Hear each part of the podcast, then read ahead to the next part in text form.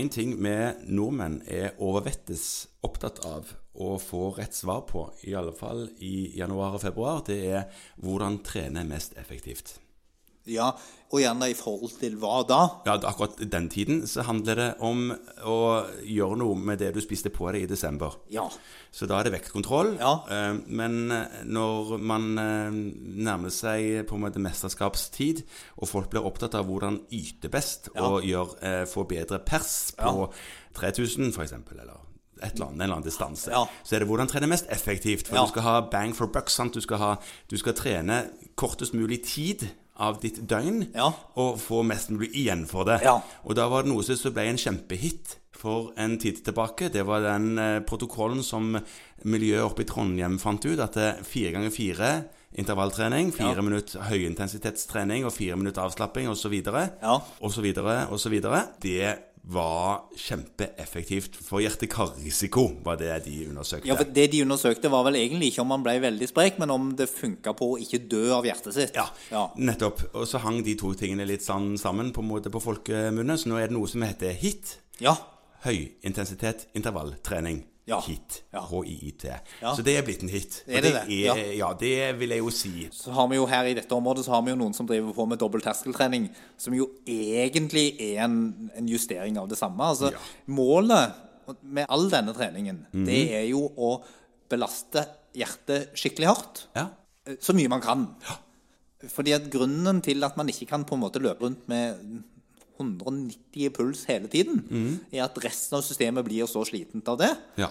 at man får liksom ikke nok treningseffekt ut av det. Men derfor går vi disse fire minuttene. Det er òg vist at er trygt langt opp i alder. Altså, det er ingen begrensning på alder på dette her. Nei, det ser jo ut at jo eldre du er, jo sykere det er, jo funker like fint fortsatt. Ja, så dette er sånn en generasjon 100-prosjektet som òg vel er oppe i Trondheim, tror jeg. Ja. Det har jo òg vist det, da. Ja. At her er det bare å kjøre på.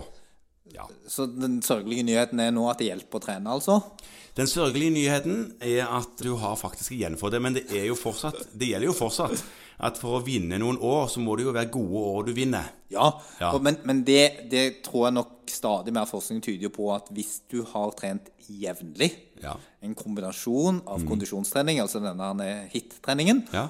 og noe styrketrening, så får du bedre år på slutten. ja. Bare pass på når du sier det til pasienten, at de ikke henger seg opp i trent jevnlig. Det er aldri for sent å starte, nemlig. Nei, Nei. nei. det kan være på tide. Ja, det betyr, akkurat, akkurat nå kan du starte. Ja. Nå, det passer veldig bra nå. Ja. Ja.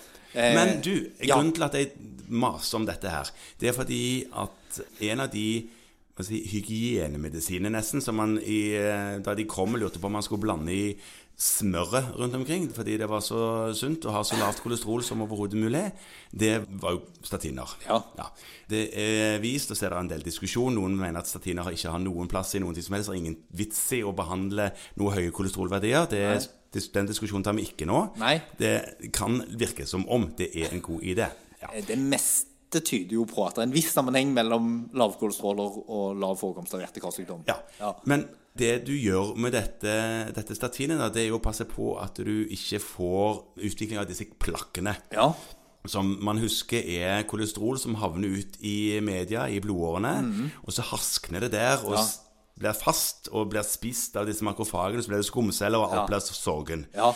Og så begrenser man det med statiner. Ja. Det som er vist, da, er at du kan få til litt det samme med trening, tror jeg. Ja, altså, Det er kommet en ny studie nå. Ja. Publisert i 2023, faktisk, i mars. Den rykende fersk, ja.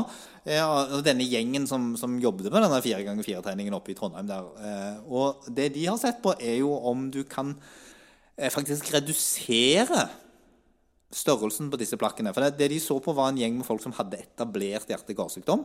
Og da har du per definisjon noen sånne eh, plakk Du har det uten å ha etablert hjertekarsykdom òg? Ja, men i hvert fall de som har det, de har det skikkelig. Og så randomiserte de de halvparten til å trene kjempehardt etter sånn, to intervalløkter i uka. Og den andre halvparten til business as usual. Altså ikke trene to intervalløkter i uka, ja. ja. som de færreste gjør. Og så målte de da eh, de størrelsen på disse plakkene før og etter, altså etter seks måneders trening. Hvordan målte de det, da?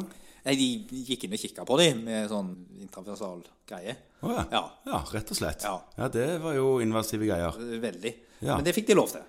Eh, og det de så, var jo det at plakkene ble redusert hos den gruppen som trente kjempehardt. Størrelsen ble redusert. Ja. De får bedre flow. Ja. Ja. Eh, Og det er på høyde med det beste som er vist på sånn høydose statinbehandling. Det har vært litt sånn uklart. altså Vi har kanskje vært litt forsiktige med å kommunisere det til de pasientene. at Ja. altså, hvis du først har, De tenker litt at hvis du først har fått en påleiring, så blir den stående der. Men det er, nok, altså, det er nok forskjell på blakk, og forskjell på hvor harde de er, hvor harskende de er, og hvor kvalifiserte de er, alt mulig ja. sånn. Men, men jeg tror at det som kanskje kommer fram her, er at hvis du trener veldig, veldig hardt, Ja. og for så vidt hvis du gir veldig, veldig høypotent behandling, Mhm. så kan du delvis reversere den negative utviklingen. ja. Det er jo veldig, veldig gode nyheter. Enig i det. Fordi at da er det jo sånn Nå, nå vet vi jo at sånn plakkutvikling, det begynner jo altså Det begynner har- når du fødes. Ja, omtrent. Ja. Ja. ja. Så da kanskje vi skal begynne å trene hardt Veldig tidlig. litt før vi får etablert hjerte-karsykdom. Ja, det kan du si. Og det var jo imponerende at de faktisk har klart to intervalløkter i uka. Det er jo drepende dødsslitsomt Ja. å trene intervall. Ja. Ja. eh, Så det er jo imponerende at de har stått i det. det, og det er jo fordi at man er med på en studie, og noen kjefter. Ja, ja. Eh, og så tenker jeg at det som må være til, til dine pasienter i din praksis, og til mine i min praksis, er å si noe om at hvis du faktisk gjør dette, Ja, så kommer du bedre ut av det. ja rett og slett. Ja. Ja. Og iallfall i snitt. Mm, Eh, og som du var inne på tidligere, det er ikke farlig. Nei, det er Eh, ikke Så farlig. lenge du på en måte har avklart at de ikke har noen sånn der ustabil angina, da skal du kanskje Jo da. Ja. Det er forsiktig, da. Ja. Ja. Men dette var pasienter som var gjennombrutt PCI, og der han så på de restplakkene de hadde, Ja. og da eh, så at de krymper faktisk. Mm -hmm. Så betyr jo ikke det nødvendigvis at man skal slutte all annen behandling. Nei. Dette er jo på toppen av den behandlingen som foreligger. Ja. Og man skal jo heller ikke si at de skal slutte å trene etter seks måneder.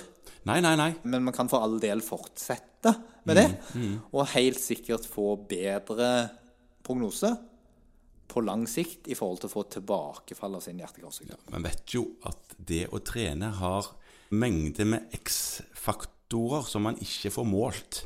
Sånn så hadde man funnet en pille som ga alt det positive som trening gjør med kroppen, Ja. ja, da tror jeg du hadde skutt gullfuglen, som det heter. Du hadde tjent penger på den pillen, tror jeg. Mange hadde tatt den. Ja.